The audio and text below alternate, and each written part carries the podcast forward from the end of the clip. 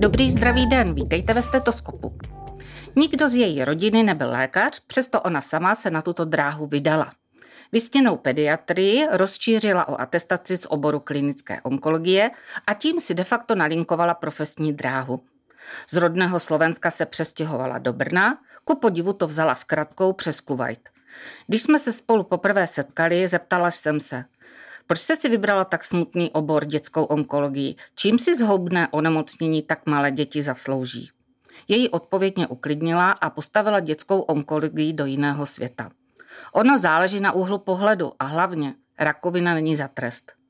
Přes 40 let vrací víru a zdraví mladým pacientům a to se snaží i svým nadšením a lidskostí předat studentům.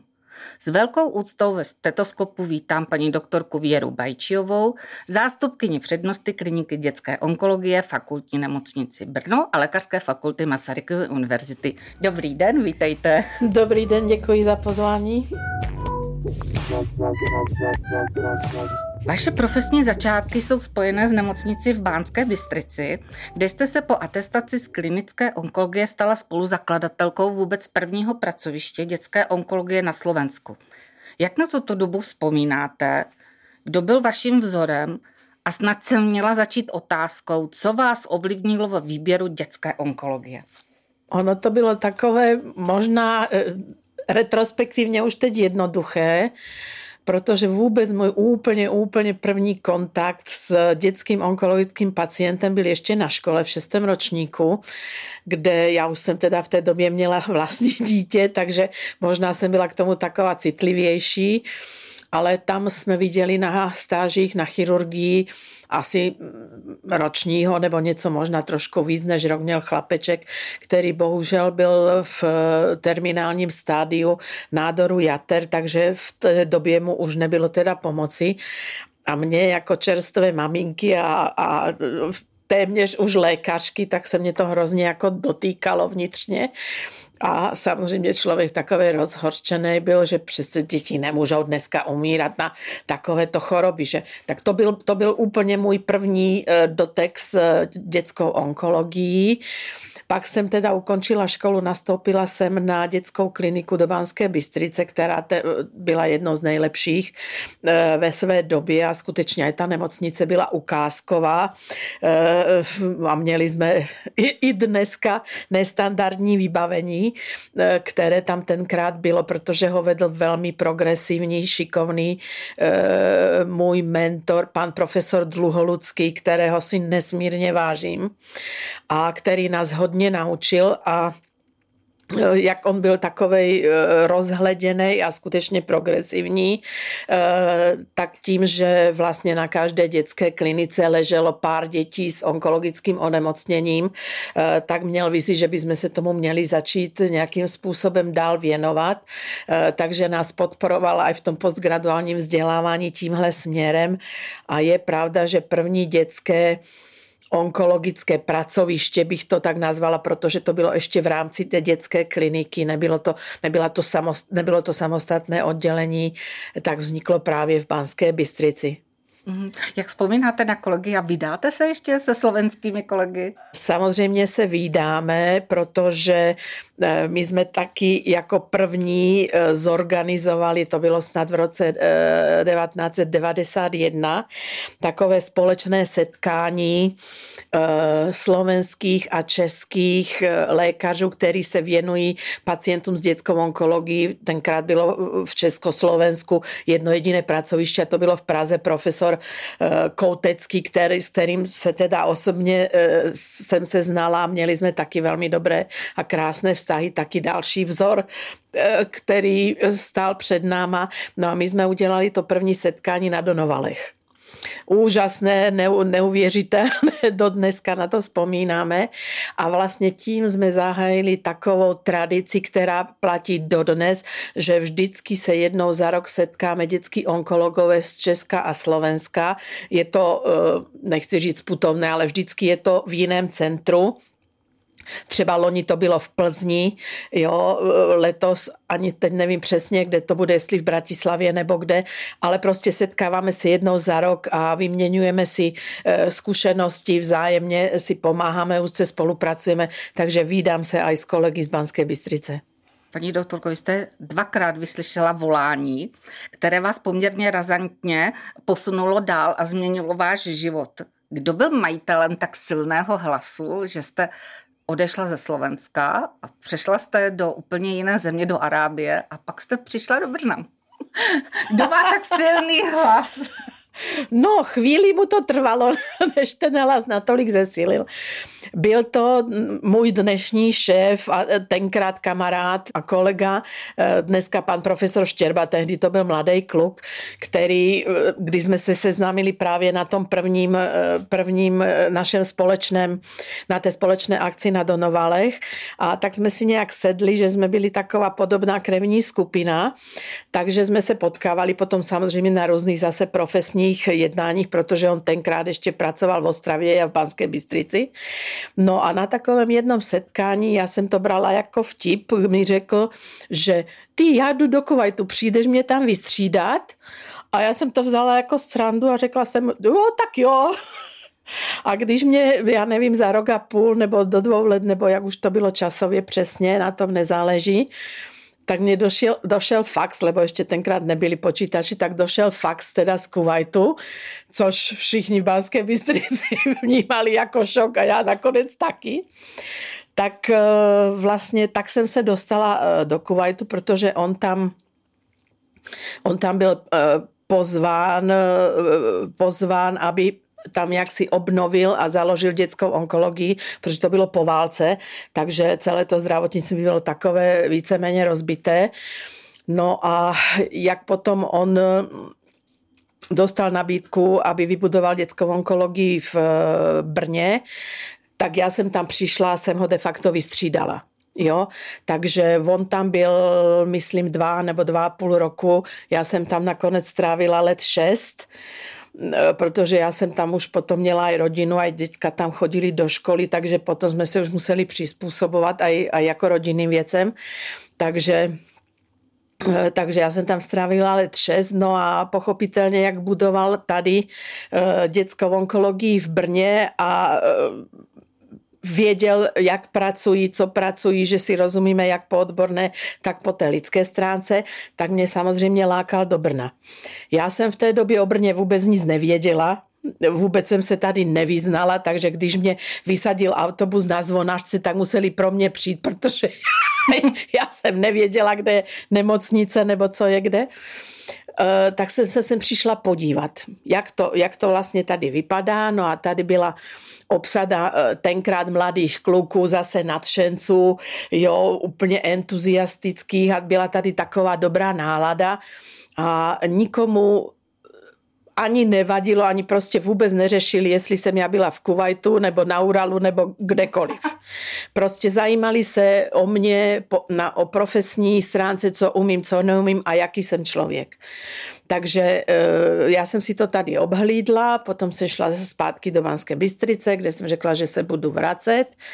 A tam bohužel e, jsem se setkala s velikánskou závistí. A to přispělo k tomu, že jsme si zasedli jako rodina rada, protože nebyla jsem sama, jo, měla jsem, e, měla jsem rodinu, alebo teda mám rodinu, takže jsme si zasedli a jsme si teda sedli a rozhodovali se, že jak to teda bude. No a, a tak padlo rozhodní, že teda dobře, tak pojdem do Brna. Takže vlastně tak jsem se odstla potom v Brně. Vy máte teď výročí. Prvního třetí, tuším, jste 20 let, 20 let. 20 let, ano, 20 let jsem v Brně. To je krásné. A neměnila bych, musím teda říct, že bych neměnila.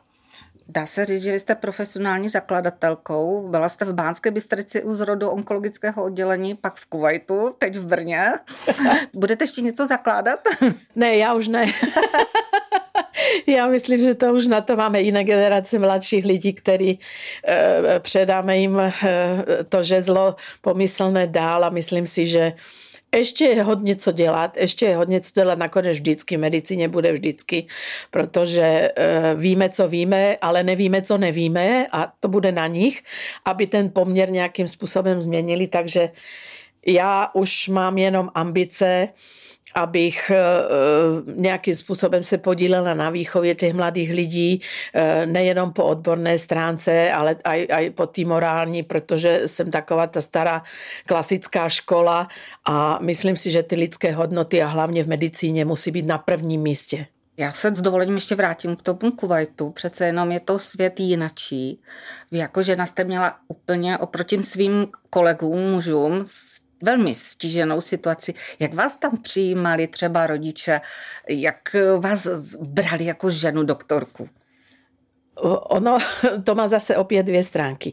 Jednak, jak mě vnímali rodiče, a jak mě brali rodiče a potom jak mě brali kolegové, alebo teda nadřízení, který eh, ze začátku to bylo hodně takové tragikomické až eh, skoro, protože třeba se měla zážitek s panem ředitelem místním, který e, nabil nějakého dojmu, nevím proč, protože eh, samozřejmě tam byli lékaři sami muži a e, tenkrát to oddělení Medical Oncology, na které já jsem přišla jako pediatr, to bylo de facto české. Mm-hmm. Jo, protože e, šéfem toho byl pan profesor Mechl, tady Nestor Brněnské onkologie, úžasný pán, kterého si nesmírně vážím a mám ho nesmírně ráda. Jeho zástupce byl pan primář Němec, takisto ze Žluťáku. No a dětskou onkologii ještě tam byl, my jsme se asi pár měsíců překrývali, tam byl dnešní pan profesor Štěrba. A já jsem tam přišla jako žena, tak oni si e, to mi bylo dokonce řečeno jeho ústy, že e, mě tam chtěl někam si pozvat na nějaký něco intimního. Až tak. A já jsem odmítla a on byl velice překvapen, protože on si myslel, že já jsem přišla dělat, nevím, jak to slušně žít, sociální pracovnici, pracovnici aha. E, těm našim kolegům. Jo, takže e, jako kdyby to bylo tady, tak prostě člověk mu dá facku, otočí se a odejde pryč a tam si to člověk nemohl dovolit, takže jsem prostě jenom se otočila a odešla, ale postupem času a netrvalo to zas tak dlouho, e, tak jsem si skutečně získala respekt aj lékařů, kolegů všech a nakonec aj vedení té nemocnice, protože mm, ať je to jakkoliv, ale ta práce a, a ten zájem a že vidíte, že, že uděláte pro ty děcka všecko, tak e, samozřejmě to oni e, respektovali jako kolegové, no a to stejné aj ty rodiče, že nejdřív, když viděli, že tam je žena, tak chtěli lékaře muže, když zjistili, že ale pediatr, e, onkolog, tam žádný muž není a teď viděli, jak se k těm dětem chovám. Když viděli, protože když je někdo vzdělaný, tak se s ním komunikuje líp, ale měli jste tam lidi třeba takové ty chudáky beduíny, kteří jsou analfabeti, neumí číst, neumí psát, eh, o anatomii neumí nic, jo, podepisují se tím, že eh, udělají otlaček prstu. Tak já jsem jim kreslila Jo, že třeba děťátko má nádor ledviny, tak tady jsou ledviny, tady jsem jim nakreslila postavičku, tady jsou ledviny, ty ledviny slouží na toto a na toto v těle a teď vaše dítě tam má problém. A když ten problém nebude, co se může stát? Takže oni to pochopili, Mhm. Začali mi věřit, samozřejmě si to mezi sebou řekli a potom mě dokonce vyhledávali. Protože věděli, že udělám všechno pro to, že mě nezajímá, jestli má někdo tam jachtu a chodí na výlet e, do Švýcarska, alebo tam má chudák jenom stan někde v poušti a nemá nic. Mhm. Mně to bylo jedno, my nejsme tak stavění, jo? takže, takže e, velmi, velmi, naopak tam mám zážitky takové, které tady nemůžete získat. Mm-hmm. Že fakt se vám stane, že se ostnete v situaci, kdy oni na vás hledí. Já jsem říkala, já jsem se cítila jak matka Teresa, že na vás hledí úplně pomalu s posvátnou takovou bázní a potom máte fakt pocit, že, že to ta medicína, eh, to, že ty děti léčíte, že to je poslání a nepovolání. Jo, to tady bohužel zažít nemůžete. Nemůžete někdy. Mm-hmm.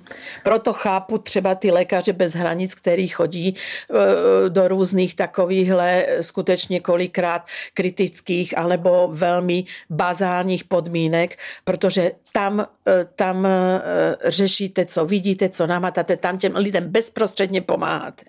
Nikdy nezapomenu, měli jsme v té naší, na tom našem oddělení jeden jediný nečech, tam byl jeden pán doktor z Indie, Genty Patel, úžasný chlap a e, tam jsme mu přispívali do takového fondu, protože on měl kamaráda nejlepšího e, z ročníku, který šel do těch nejchudších oblastí Indie a třeba neměli peníze, tam je spousta jedovatých hadů, jo, kobry a tak a to jsou neurotoxické jedy, alebo ten bungar, přestanete dýchat.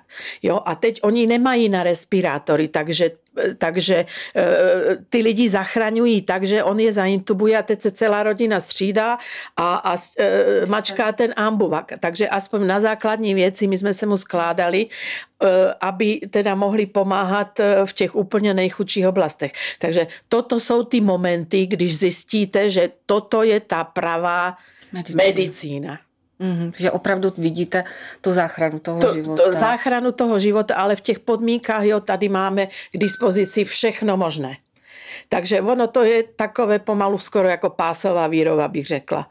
Ale eh, když se dostanete do takovýchhle hraničních situací, tak vás to uspokojuje trošku jiným způsobem. Takže chápu ty lidi, kteří to je potom jako droga, že vyhledávají tyto momenty, protože e, nejenom o ty lidi to je tak jedna z věcí, kterou jsem si tam uvědomila, že nejenom ty lidi potřebují nás jako lékaře, ale k tomu, abych já byla úplně spokojená a mě ta práce těšila, e, tak já musím mít pocit, že oni mě potřebují, že se, jak se vzájemně potřebujeme.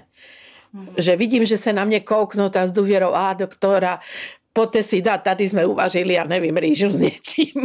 Jo, a pojďte a, a vidíte ten, ten lidský přístup, tu lidskost, to je strašně důležité. V té době tam asi ta nemocnice nebyla úplně na špičkové úrovni, asi tam se starají o pacienty jinak, že tam uh, není vyvařovná, starají se o ně členové rodiny. To není, to není, to není uh, úrovní nemocnice, to je, to je dáno kulturou. Uh-huh. Jo, to je dáno kulturou. Uh, samozřejmě uh, byly tam jisté rozdíly, ale byly ty rozdíly způsobené tím a proto my jsme tam byli přizváni jako odborníci, protože do té doby tak Kuwait je, uh, samozřejmě každý vidí len dolary a, a prostě peníze. A kdo je Kuwaiti, jakože je vlastně Kuwaity tak, a onemocní onkologicky, tak oni mu zaplatí léčbu v Americe. V špičkových, lenže to není jenom, že pacient, to tam jde celá rodina, tam jde 15 lidí. A teď jsou tam třeba rok, rok a půl, takže to je neuvěřitelně drahé a aj ten obrovský bohatý Kuwait zjistil, že teda na tohle peníze my nebudeme. Tak chtějí vybudovat tu, alebo chtěli, tak to už je 20 let, jo, takže chtěli vybudovat tu onkologii mm, e, u nich doma. A proto si přizývali e, zahraniční lékaře a odborníky, aby jim to pomohli vybudovat. No, ale to je místní, e, to, to je prostě e, dáno tím jich naturelem, jo? že tam je dítě v nemocnici, alebo je dospělý, teď přijde rodina, rozloží si tam na zemi koberec, protože tak všichni mají koberce, ne, jo, no, to u nás, u nás to tak není, ale prostě tam je to součástí té kultury a, a tam si rozloží na té zemi a tam se nají a, a prostě je to, to ne, že by jim nikdo nedal, by, tam byly nemocniční e, obědy, všecko, tak jak aj tady, ale, ale to patří k té kultuře. Že si uvaří na pokoji společně. Ano, že si prostě něco jakoby domácího, domácí strava bych to nazvala. Ale je to součástí té kultury. Třeba jsem měla krásný zážitek, taky to jsou takové momenty, na které potom nezapomenete, že tam byla právě taková chudá, e, teda velmi, velmi chudá rodina, beduínka, paní, no vypadala snad na 55 let. Já jsem se potom prostě celá vrázkavá a ještě taková potetovaná na tváři. A já jsem zjistila, že jí je snad 30 nebo 35 a bohužel jí tam umíral chlapeček. A teď ona měla na zemi ten kobereček na zemi a, a, a četla nějakou knížku. A já jsem si myslela, že Korán. A přišli za mnou sestřičky, ona říká, že ne, podívejte, ona se učí angličtinu. Tak to bylo pro mě takové jakoby dojemné, tak já jsem mi potom vyfotila s tím chlapečkem a dala se mi tu fotku. No, tak pojďme z Kuwaitu do Brna. v Brně jste nastoupila a tady to byla asi taky mužská liga. Úplně ne, úplně, úplně ne. ne, ne, nebyla jsem tady sama. Byla paní primářka Dembická, eh, alebo teda tenkrát dělala, když já jsem přišla, tak po pár měsících eh, dělala, byl konkurs na primáře a vyhrala to paní primářka Dembická, takže tady jsem nebyla jako, nebyla to, možná, že přesilovka trošku jo, ale nebyla jsem sama proti, proti všem, alebo proti, proti klukům. Jasně. uh, Budovali jste to tady nějak nově, nebo pan profesor už stačil něco vybudovat? A jo, jo, jo. Vy už jo, jste přijela jo, do rozjetého jo. vlaku? Uh, já už jsem, ano, dá se to tak říct, já už jsem přijela do rozjetého vlaku, prostory, všecko bylo. Uh, samozřejmě některé věci se postupně dobáva, dobudovávaly, neměli jsme ještě v tom čase transplantační jednotku, kterou teď už máme, jo, uh, oddělení sedm jípka, ale uh, nedá se říct, že já bych něco jako dobudovávala, to už ne, to už bylo. To jste si zažila v Banské a v to, to jsme si zažili, a... ano, to jsme si zažili v minulosti, ale tady už ne. Tady jenom uh, potřeboval právě proto, že to byli mladí kluci, tak potřeboval atestovaného onkologa, aby nás bylo jako víc aby, aby jsme měli prostě to, uh, to krytí odborné, uh, takže, takže jako potřeboval mě tady, rozhodla jsem se, přišla jsem a jsem spokojená. Mm. Asi tak. Práce na klinice dětské onkologie je asi víc náročná než kde jinde. Eh, vy asi více musíte mluvit s rodiči a spolupracovat s rodiči. Eh, zapojujete celou rodinu do toho procesu. Jak rodiče přijímají vaše rady? Eh, co je nejtěžší pro vás a co je nejtěžší pro rodiče? Pro rodiče si myslím, že je nejtěžší akceptovat ten fakt, že naraz mají na smrt nemocné dítě a že o to dítě mus, můžou přijít. Tak to, jako si to neumím představit, je zvláštní, že když bych si to personifikovala, tak jsem se tak nebála o moje děti, když jsem byla mladá, nebo co se může stát, ale teď, když mám vnučky, tak o ty vnučky se bojím strašně. Protože už člověk hledá, co zviděl a samozřejmě nikdo není imunní. Takže toto si myslím, že je nejtěžší pro ty rodiče, a my jako lékaři musíme chápat, každý e, na stres reaguje jinak. Že když e, třeba e, máme ten úvodní pohovor, kde informujeme o chorobě, co to je, jak k tomu došlo, co se s tím dá dělat, čemu budou vystaveni v průběhu té léčby a podobně, tak se může stát, že oni třeba dvě třetiny vůbec nevnímají, protože mají ten šok, tu ránu do hlavy, že vaše dítě má třeba rakovinu. Jo? Mm. Takže e, opakovaně, opakovaně s nimi mluvit, protože první výhra a první úspěch, který můžete dosáhnout, je ten, že vám věří.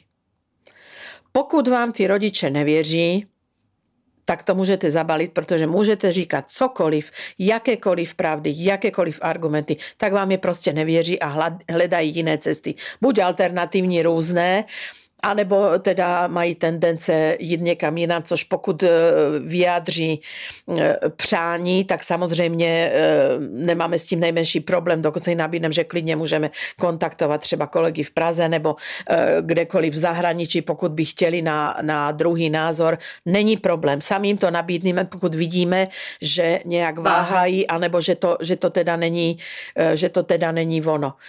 Eh, a pokud oni vidí, že nemáme co skrývat, že nemám problém s kohokoliv eh, kontaktovat a ukázat mu fakta, dneska můžete poslat aj radiologickou dokumentaci, takže skutečně všecko se dá. A, a vidí, že eh, já nevím, samozřejmě záleží, jak je to typ nádor, ale třeba játra nebo ledviny, nádor jater nebo nádor ledvin, kdyby šli kamkoliv, tak se budou léčit úplně stejně, protože používáme ty stejné postupy a jdeme podle těch mezinárodních doporučení, které se všude akceptují. Takže ale na to, abyste toto dosáhli, musí vám ty lidi věřit a proto je třeba s nimi mluvit, mluvit, mluvit a opakovaně. Mm-hmm. A opakovaně. A když vám potom oni věří, tak většinou není problém. Mm-hmm. Vlastně jaké typy onemocnění na vaší klinice uh, léčíte?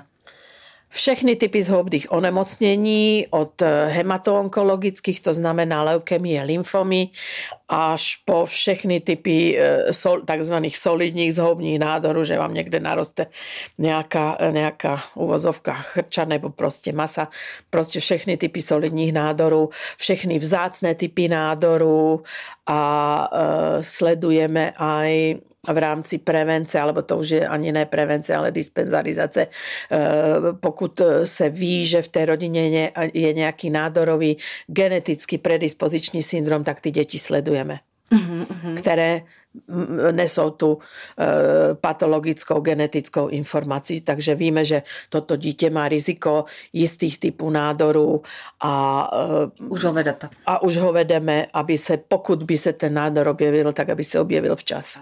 Jaké jsou šance na uzdravení dětských pacientů? Co na to říkají statistiky? Statistiky jsou poměrně e, pozitivní, protože celá dětská onkologie v podstatě patří mezi velmi mladé obory. Ona se začala formovat e, začátkem 50. let minulého století, takže má nějakých dneska řekněme 70 let z toho touhle pohledu, já už to dělám 40, takže už jsem Nestor, no, no, můžu si říct. No a za, ta, za ta léta skutečně se procento těch dětí, které e, se vyléčí z toho onkologického nemocnění, e, se postupně zvyšoval z těch iniciálních 5 až 10% tak dneska dokážeme vyléčit e, kolem 90% ze všech, všech dětí, které přijdou z nádoru. Samozřejmě záleží od typu nádoru. Jsou typy nádoru, kde vylečíme téměř 100% jsou typy nádoru, které vylečíme třeba 70, 75%, 60%. Záleží, jaký je to nádor, v jakém stavu to dítě přišlo, jak moc je pokročili. Mm-hmm. Takže je to individuální, ale když se to vezme statisticky, počet novodiagnostikovaných a počet, tak eh, vycházíme, že, že většinu těch dětí vrátíme zpátky do života. To je krásné proto jste mě tu dětskou onkologii postavila do jiného světla. Já ano. jsem to viděla úplně v jiné perspektivě. Úplně já jsem si říkala, tady to bude hrozně smutný rozhovor a není, protože tyto čísla mě teda úplně obrátily můj eh, pohled. Je to, je to úhel pohledu naší společnosti na onkologii. Proto třeba eh, já nemám ráda slovo rakovina. Protože co je rakovina? Já stále říkám, já jsem onkolog, ale neumím léčit rakovinu. Já umím léčit typy nádoru. A je to ne všetky. Třeba rakovinu prsu já neumím, alebo karcinom prsu já neumím, protože to děti nemají, tak se tomu nevěnují, tak to neumím. Ale zase umím prostě to, co je typické pro ty děti, to umím. Ale někteří lidi potřebují to slovo slyšet. Protože když jim řeknete, že to je zhoubný nádor, třeba, já nevím, ledviny, Wilmsův nádor nebo cokoliv, tak oni dokud neslyší to slovo rakovina, tak jim to nedojde. Mm-hmm. Darmo mhm. říkáte, je to zhobný nádor, když se nebude léčit, tak vám to dítě usmrtí. Stále jim to nedochází. Takže až tam někdy, padne to slovo. Až tam padne to slovo, tak jim to dojde. A proč to slovo já nemám ráda? Protože lidi, co si lidi představují pod slovem rakovina? Bolest, utrpení, smrt, všechno černé, všechno špatně. Je, to jeden velký strašák. Proto spousta lidí ani nejde doktorovi, aby mi neřekl, že to je rakovina. E, a kdyby to rakovina byla a ještě to bude půl roku odkládat, no tak už potom skutečně naplní ty černé ty představy, představy, které o tom má. Jo? Takže e, trošku, trošku ještě té zdravotní výchovy toho uvědomění těch lidí. Protože oni informace mají, ale pokud ale jsou zdraví, tak to každý vodové, mně se to netýká. Mm-hmm. Mně se to netýká. Já jsem nedávno byla na Masarykově onkologickém ústavu. Povídala jsem si s panem profesorem Šlampou, tam jsme si řekli, že i oni na klinice léčí vaši paci- vaše pacienty a takovými třemi základními pilíři léčby je samozřejmě operativa, operační postup, pak je to chemoterapie a pak ozařování. Ale vy jste mě prozradila, že to ozařování u těch dětí není úplně samozřejmostí, že to je, nechci říct až to poslední, ale že velmi dobře rozvažujete, který pacient a kdy tam půjde trošku by jsem to otočila v tom, že ano, jsou to tyto, co jste vyjmenovala, jsou základní pilíře léčby v dětské onkologii, pořád, i přes eh, nové moderní pokroky a podobně, ale opět, když to vezmeme v tom historickém úhlu pohledu, tak eh, radioterapie je pro ty děti a pro nás nepříjemná v tom, a v tom nás limituje, že má strašně e, závažné pozdní následky. Protože cokoliv ozáříte, přestane růst. Když si vemete, že by jsme ozařovali malé děti dvou, tří leté, tak pokud my máme ambice je vyléčit, my se musíme dívat na to, jak budou vypadat za pět let, za deset let, za dvacet let. A ta radioterapie je jako lokální léčba, protože uvědomíme si, že to je lokální léčba, tak jak operace. Jo? Takže e, jsou situace, kdy se jí prostě nedá vyhnout, kdy ji musíme použít, ale v průběhu let ty indikace, u koho a kdy použít radioterapii se v dětské onkologii velmi výrazně redukovaly. Právě vzhledem k znalosti těch pozdních následků. Ale zase na to, abyste měli pozdní následky, tak ty děcka musí žít aspoň 20 let. Takže zase je to ze začátku se to nevědělo. Takže co se dalo, tak jasně vylečíme, zachráníme a potom jsme zjistili, že co jsme z těch dětí uvozovkách udělali, že sice nádor je vylečený, ale rozhodně to není zdravý jedinec, má spoustu, já nevím, poruchy růstu, různé deformity, svalové atrofie, hormonální poruchy, prostě spoustu dalších problémů, které toho pacienta alebo to, toho vyléčeného onkologického pacienta handicapují. Takže dneska už se díváme, když jdeme jakoukoliv léčbu použít, co to udělá do budoucna. Mm-hmm. A toto všechno samozřejmě iniciálně diskutujeme aj s rodiči. Od jakého věku? Vy tady máte asi děti úplně od novorozenců. Od novorozenců, ano. Až po 19, 19 let. leté. Eh, v jakém věku začne dítě vnímat závažnost svého onemocnění? Kdy si to uvědomí, že mu jde třeba o život? Já si myslím, že eh, to tak vnímají od takých 12-13 let už určitě. Mm-hmm. Takže Někteří ta... aj mladší podle toho zase, jak moc eh, prostě jsou ve společnosti rozdíly, takže záleží, ale takový 12-13 lety už určitě už ví, co je to onkologie a kdyby náhodou ne, tak si to všechno vygooglí, protože všichni mají mobily, všichni mají internet. Takže e, s některými rodiči na toto téma vedeme dlouhé debaty, protože rodiče samozřejmě mají tendence teď svoje děti chránit aj psychicky. Neřekneme jim, řekneme, že má zánět. Říkám, ale nemůžeme mu řekne, říct, že má zánět. Však on ví, že je na onkologii, on se podívá kolem sebe, vidí, že jsou všichni bez vlasů. Tak e, a jako náhle my mu začneme lhát, tak on mi už nikdy neřekne pravdu. Protože cokoliv bych mu já říkala, tak no, on mi zase lže. On mi zase lže. A on mi nikdy nebude jako lékaři důvěřovat. A opačně, zase třeba takový ty náctiletý, ty mají zase tendence taky bránit ty rodiče, že neřeknou rodičům, že mají nějaký problém. Pokud máme s nimi dobrý vztah, nám to řeknou, ale neříkejte to našim. A jak teď dál? No, Řeknete to? No, no tak pokud nemusíme, tak to neřekneme. Vždycky, když to jde, tak se snažíme respektovat to přání. Pokud to ale jinak nejde, no tak, eh, tak už to prostě nejde. Vy jste se uh, vlastně ve své praxi trošičku zaměřila na ty náctileté. Dokonce jste uh, vydala i publikaci uh, o nádorech náctiletých. Proč právě o nich dvě jsou... publikace, dvě, dvě knížky. Vidíte. A proč právě o nich uh, a jsou to oni, kteří přicházejí třeba pozdě s nádorovým onemocněním? Uh, o těch náctiletých eh, je to zase jednak o osobní zkušenosti a pak a i teda z literatury, ale je to skutečně takzvaná ztracená, eh, ztracená generace v té onkologii. Mm.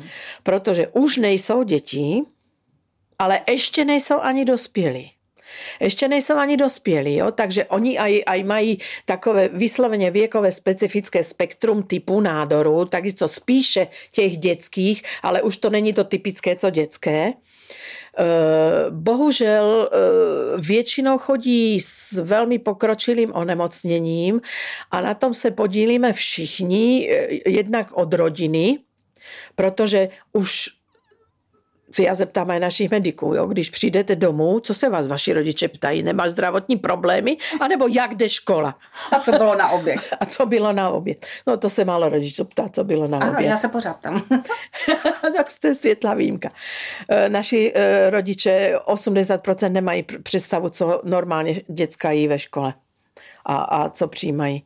Ale to je zase jiná stránka věci. Takže ty rodiče se už nebojí, protože už ty děti jaksi vyrostly uh, z toho věku, když se o ně báli, že bolí mě bříško, tam mě bolí, tam mě bolí, tak jdeme rychle pediatrovi.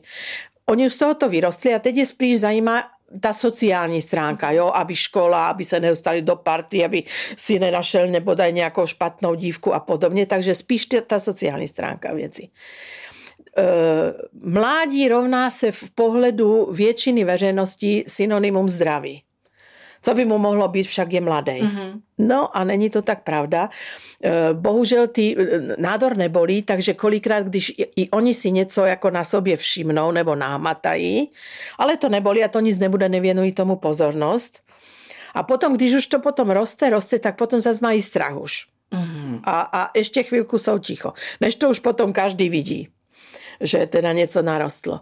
No a bohužel e, mnoho i našich eh, lékařů eh, máme, máme takové eh, případy, kde, kde ani ten lékař nepomyslel na to, že by to mohl být nádor.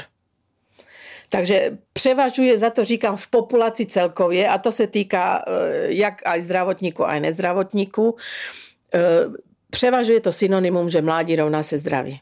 A možná i z jejich pohledu nebo eh, ze strany toho náctiletého je tam i ten stud, že ta maminka už není s ním v té koupelně a už... To se, to... Týká, to se týká hlavně třeba nádoru v oblasti genitálu ano. nebo v takových choulostivých oblastech. Ano, ano. Ale je zajímavé, že holky, když si něco nahmatají v prsu, okamžitě to řeknou. Mm-hmm. Ale kluci, když si něco nahmatají, tak zatloukají. Zatloukají. Zatloukají, neřeknou, neřeknou nic. Jo, takže eh, ono potom je aj rozdíl třeba, když se náctiletý pacient, kde se odstne, kde se odstne v léčbě. Když se odstne s tou stejnou diagnózou na dětském pracovišti, tak se může stát, že bude léčen odlišně, než kdyby se odstl na dospělém pracovišti a opačně. Proto třeba máme několik případů, kde ty mladí pacienti profitují z toho, protože mají takový typ nádoru, eh, který je spíš typický pro, dětské, eh, pro dětský věk a nebyli správně léčeni, když byli léčeni na dospělé onkologii. Uh-huh, uh-huh. Takisto, jak já už se trošku opakuju, si nedělám ambice, kdyby, přišlo nějaká, kdyby přišla nějaká dívka s karcinomem prsu, tak rozhodně první volám na žluťák a žádáme o výjimku, aby pojišťovna zaplatila péči, i když nemá 18 let na dospělém pracovišti, protože s tím nemám zkušenosti. Tady to prostě není. Eh, no, tady to prostě není. A podobně se může stát, že mladý dospělý pacient, třeba 25 letý, má dětský typ nádoru, s kterým oni nemají zkušenosti, tak nás kontaktují. Takže mám 25 letého pacienta s eh, Wilmsovým nádorem, který je tady nesmírně spokojený. To už je potom, když chodí na tu ambulanci, už taková jako spíš společenská debata, protože to, jako s tím dítětem se bavíte jinak jako s mladým dospělým ale eh, vždycky ten přístup by měl být prostě individuální, co ten pacient potřebuje, ale proto jsem se tomuto začala věnovat, že eh, to už je, tu knížku jsem vydala 2011, takže to už je víc jak 10 let, takže v tom čase Přece jenom ta spolupráce nebyla ještě na takové úrovni a někteří lidi na to mladí mohli no, doplatit. Vy jste svůj entuziasmus ve velké míře věnovala i osvětě na školách, ale nedopadlo to úplně podle představ. A pak přišel na pomoc i Jirka Mádl a společně jste připravili web Maskoule, kde přiměřenou formou nabádáte mladé lidi k samovyšetření. Zaznamenali jste kladnou uh, odezvu tady na tento web a podařilo se vám třeba někoho odchytnout úplně z té ulice, kdy si opravdu sám sebe diagnostikoval? No my jsme je neodchytávali. Ne, ne, sa, součástí, že sami se odchytli. Z, z toho, uh, součástí toho webu uh, byla aj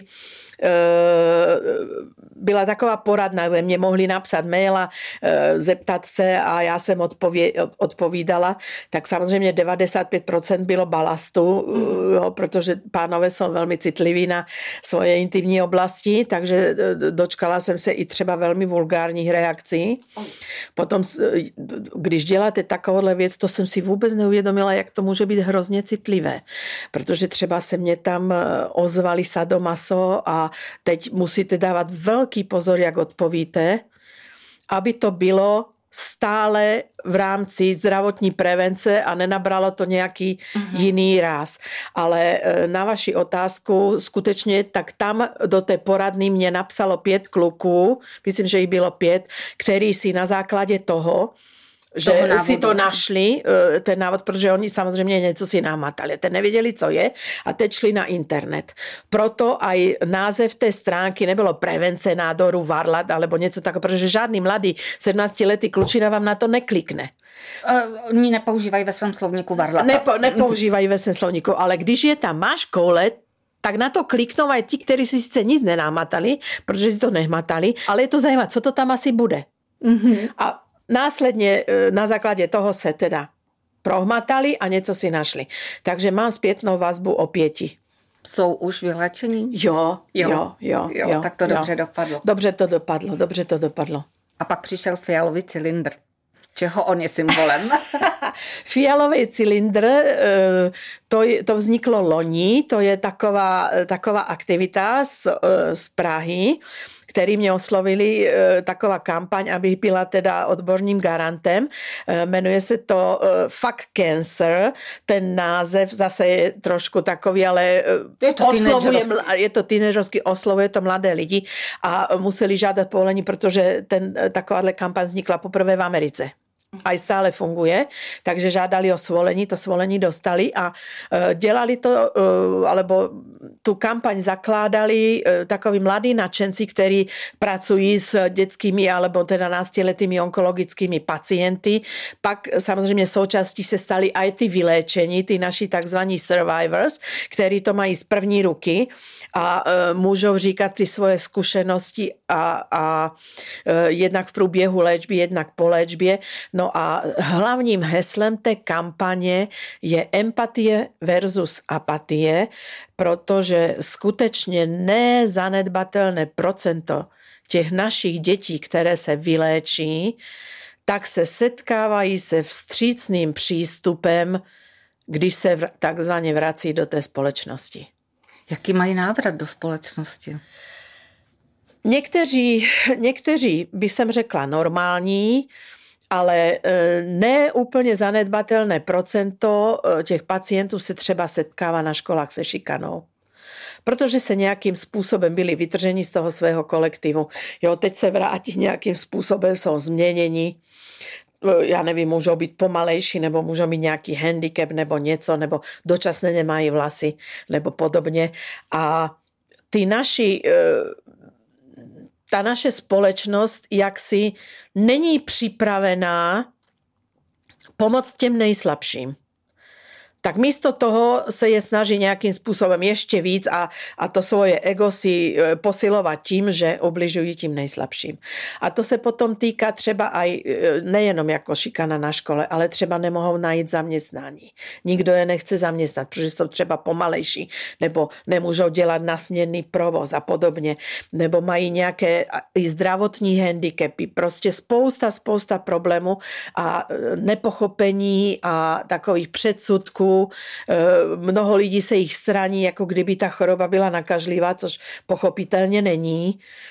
Takže eh, spousta těch mladých lidí má reálné problémy. A právě na toto se zaměřila pozornost této kampaně Fuck Cancer, která eh, se snaží demitizovat tu chorobu a ukázat, že jsou to takoví stejní lidi, jak jsme aj vy. A ti, kteří jim dneska ubližují, dávejte pozor, protože zítra můžete patřit k nám. Nikdo z nás není imunní, nikdo nevíte, jestli příští týden eh, dneska jste zdraví, ale co bude za týden, za měsíc, za rok. Nikdo nejsme imunní. Takže se nám to může vrátit hmm. z té druhé strany. Vy jste se věnovala Teď jsme se bavili tady o pacientech, ale váš záměr je i na studenty, na mediky. Jaký jste pedagog? O, to je otázka na nich, ne na mě.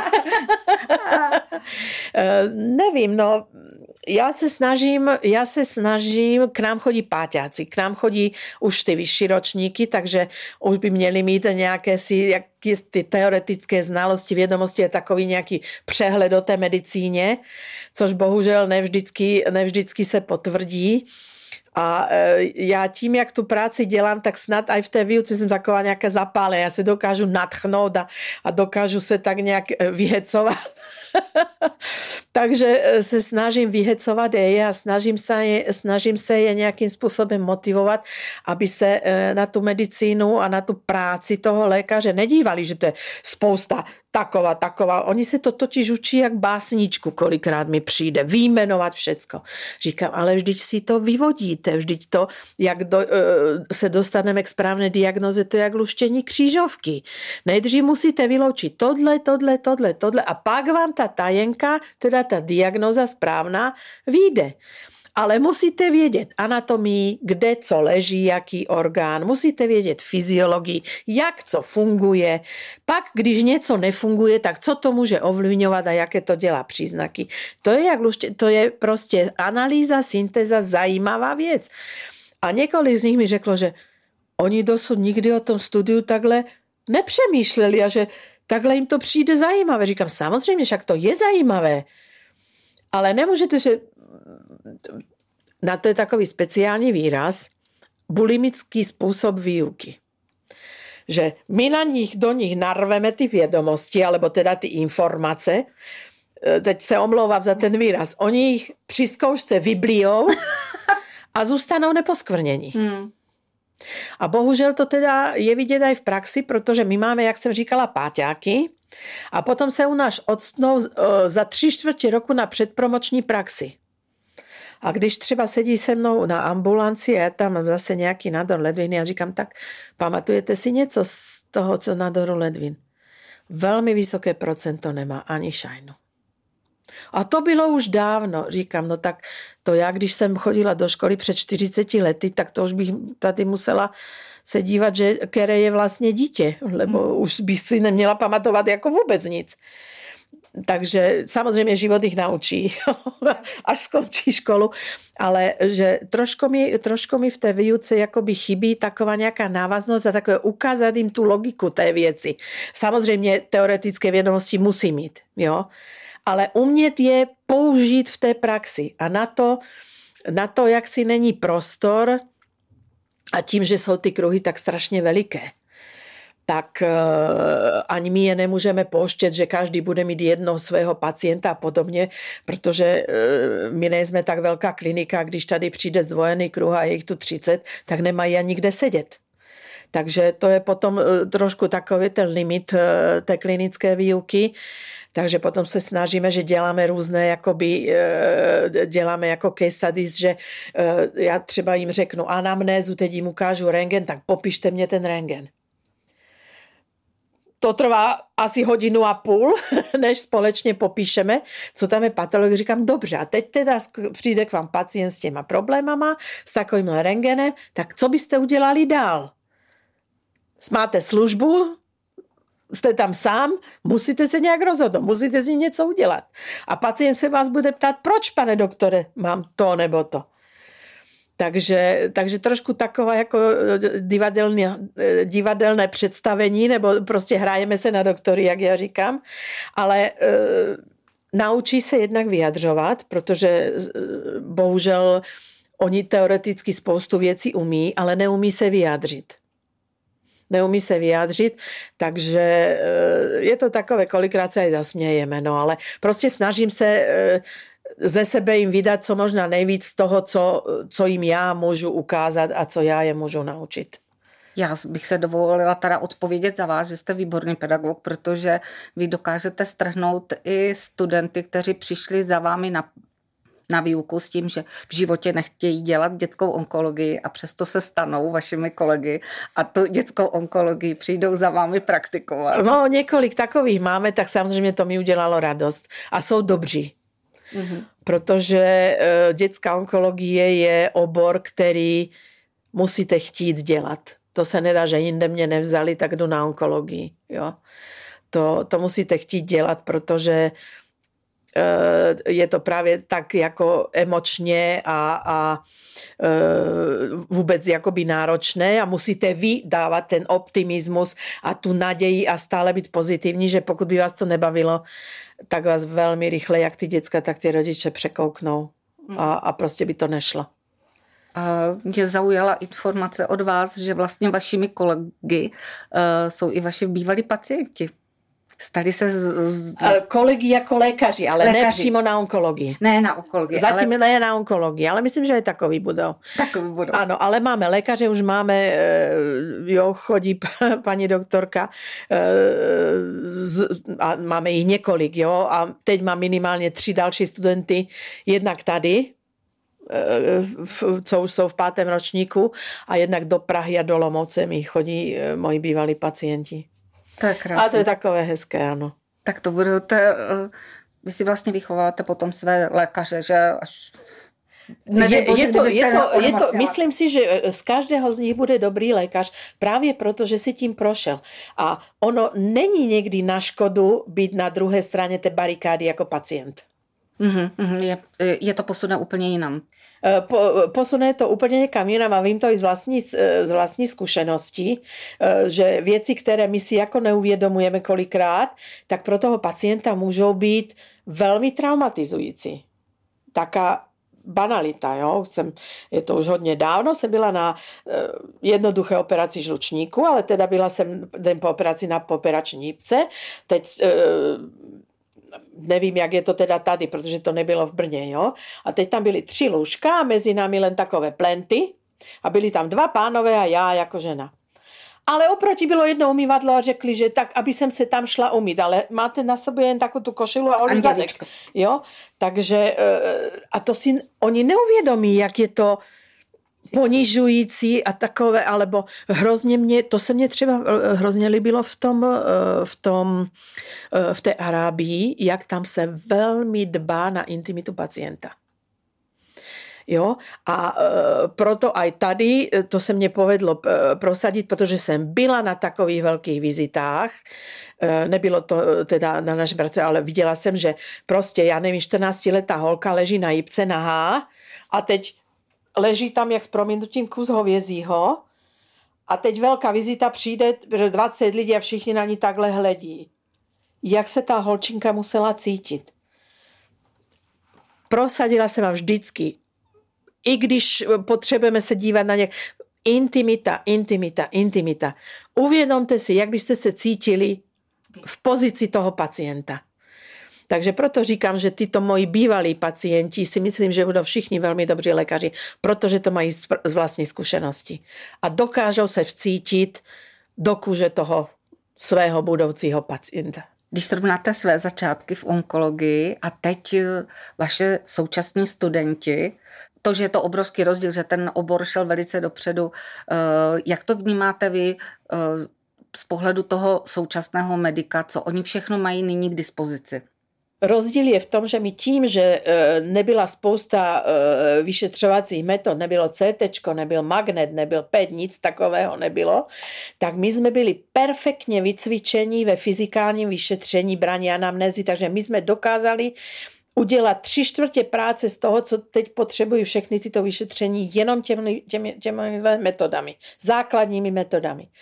E, spousta dnešních mediků se právě spolehá na zobrazovací vyšetření, ale indikují to hlava, nehlava. Takisto, já se jich ptám, cokoliv, když máme ty stáže, cokoliv indikujete, musíte vědět proč.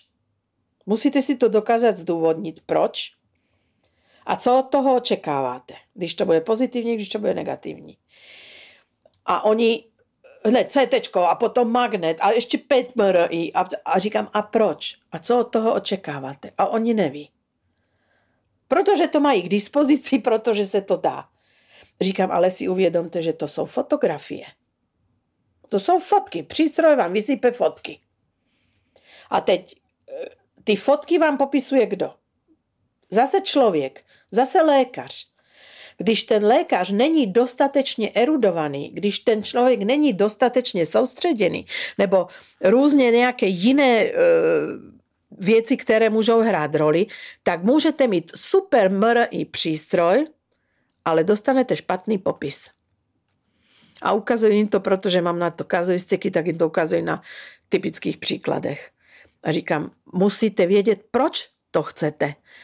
A proto my aj je taký zvyk, možná to nedělají na všech klinikách, nevím, ale my to děláme, že ať indikujeme jakékoliv takovéto vyšetření, tak my se díváme na ty obrázky. Nejenom na popis, ale aj na obrázky. Jednak je to pro lepší moji orientaci, že si to umím e, potom třeba srovnat v čase. A jednak může se stát, že prostě všichni jsme jenom lidi, každý můžeme udělat chybu nebo máme špatný den nebo cokoliv a můžeme něco přehlédnout třeba. Takže e, jinak mají samozřejmě k dispozici co jsme my měli? My jsme měli knihy, učebnice, skripta, nic víc. Oni mají dneska přístup k informacím, jaký, jaké jen chcete. Z celého světa. Z celého světa. Jo? Můžou chodit na ty Erasmy, můžou spolupracovat eh, se zahraničím, prostě všechno, co pro nás bylo tabu. Ale, ale na tu každodenní praxi, když nastoupí po škole, tak e, naši absolventi nejsou připraveni okamžitě začít pracovat. To se ještě potom pár měsíců, než aspoň se do nějaké, e, nějaké, nějak rozběhnou.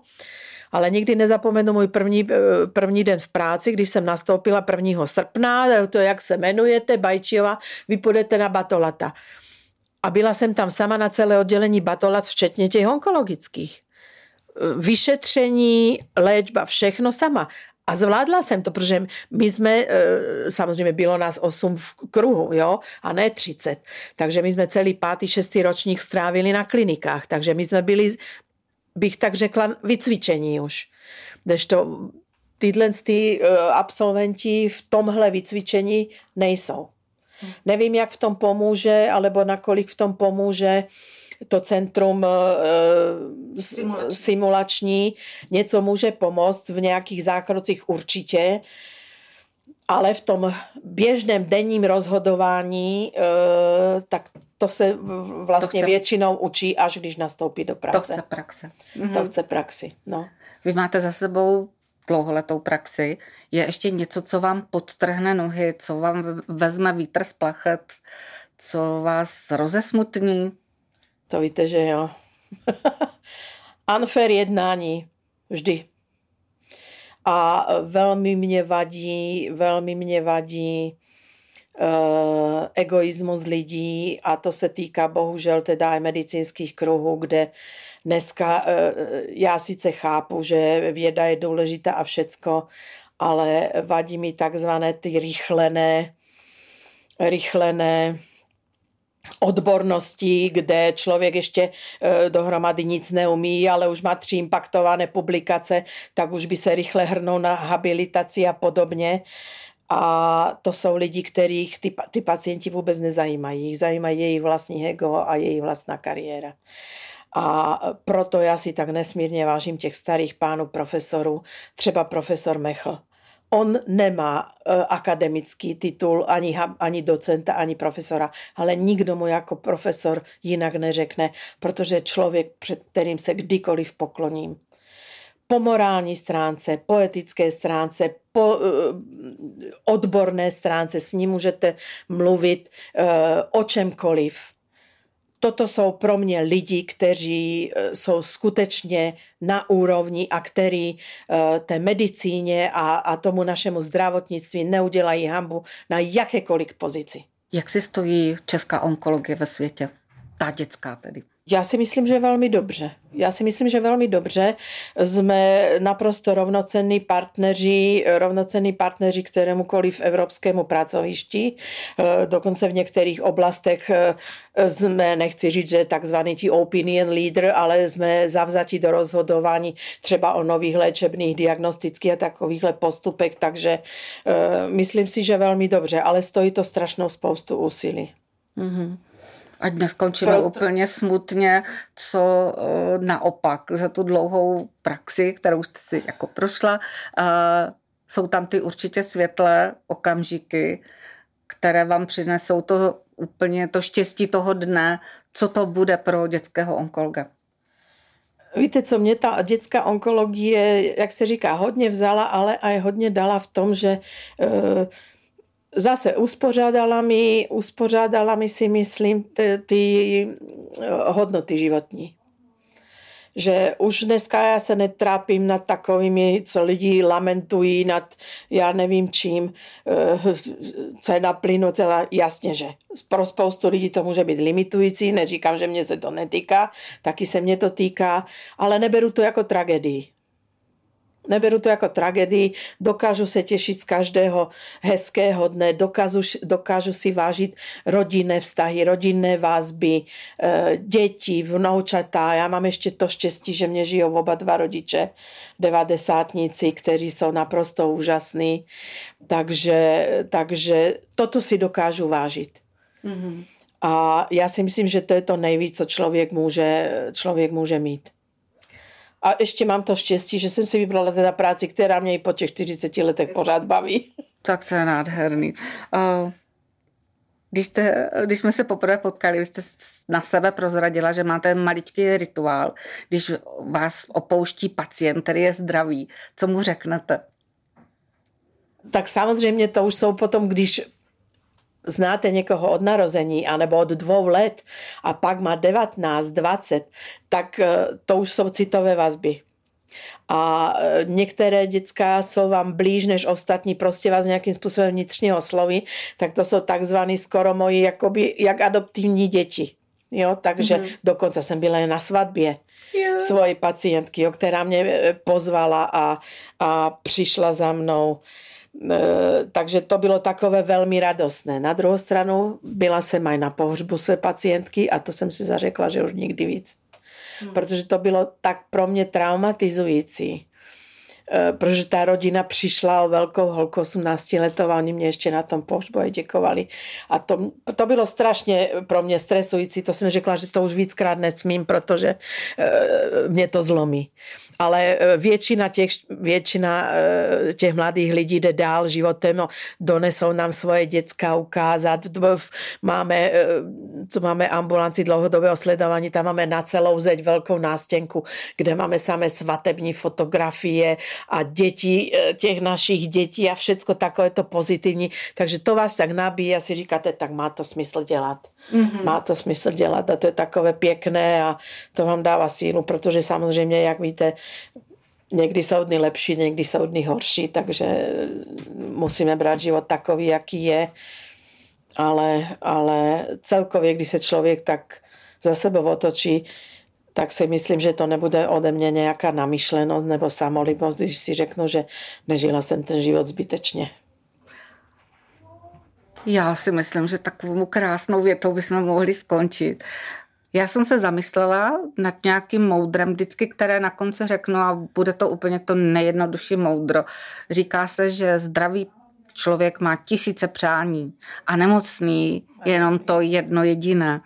A já z celého srdce přeji paní doktorce Bajčiové, aby i nadále měla tu sílu a moc navracet svým pacientům těch 999 přání. Vážená paní doktorko, dodatečně gratuluji k narozeninám. My jsme to udělali. Děkuji pěkně. My jsme to udělali jenom po e-mailu. Přeji vám mnoho dalších let ve zdraví a optimismu, ve štěstí a síle. Děkuji za krásný rozhovor. Děkuji vám pěkně. Děkuji. A vám, milé posluchačky a posluchači, přeji, abyste paní doktorku nikdy nepotřebovali, byť je to dáma velmi vzdělaná, pracovitá a hlavně lidská. Děkuji za vaše uši.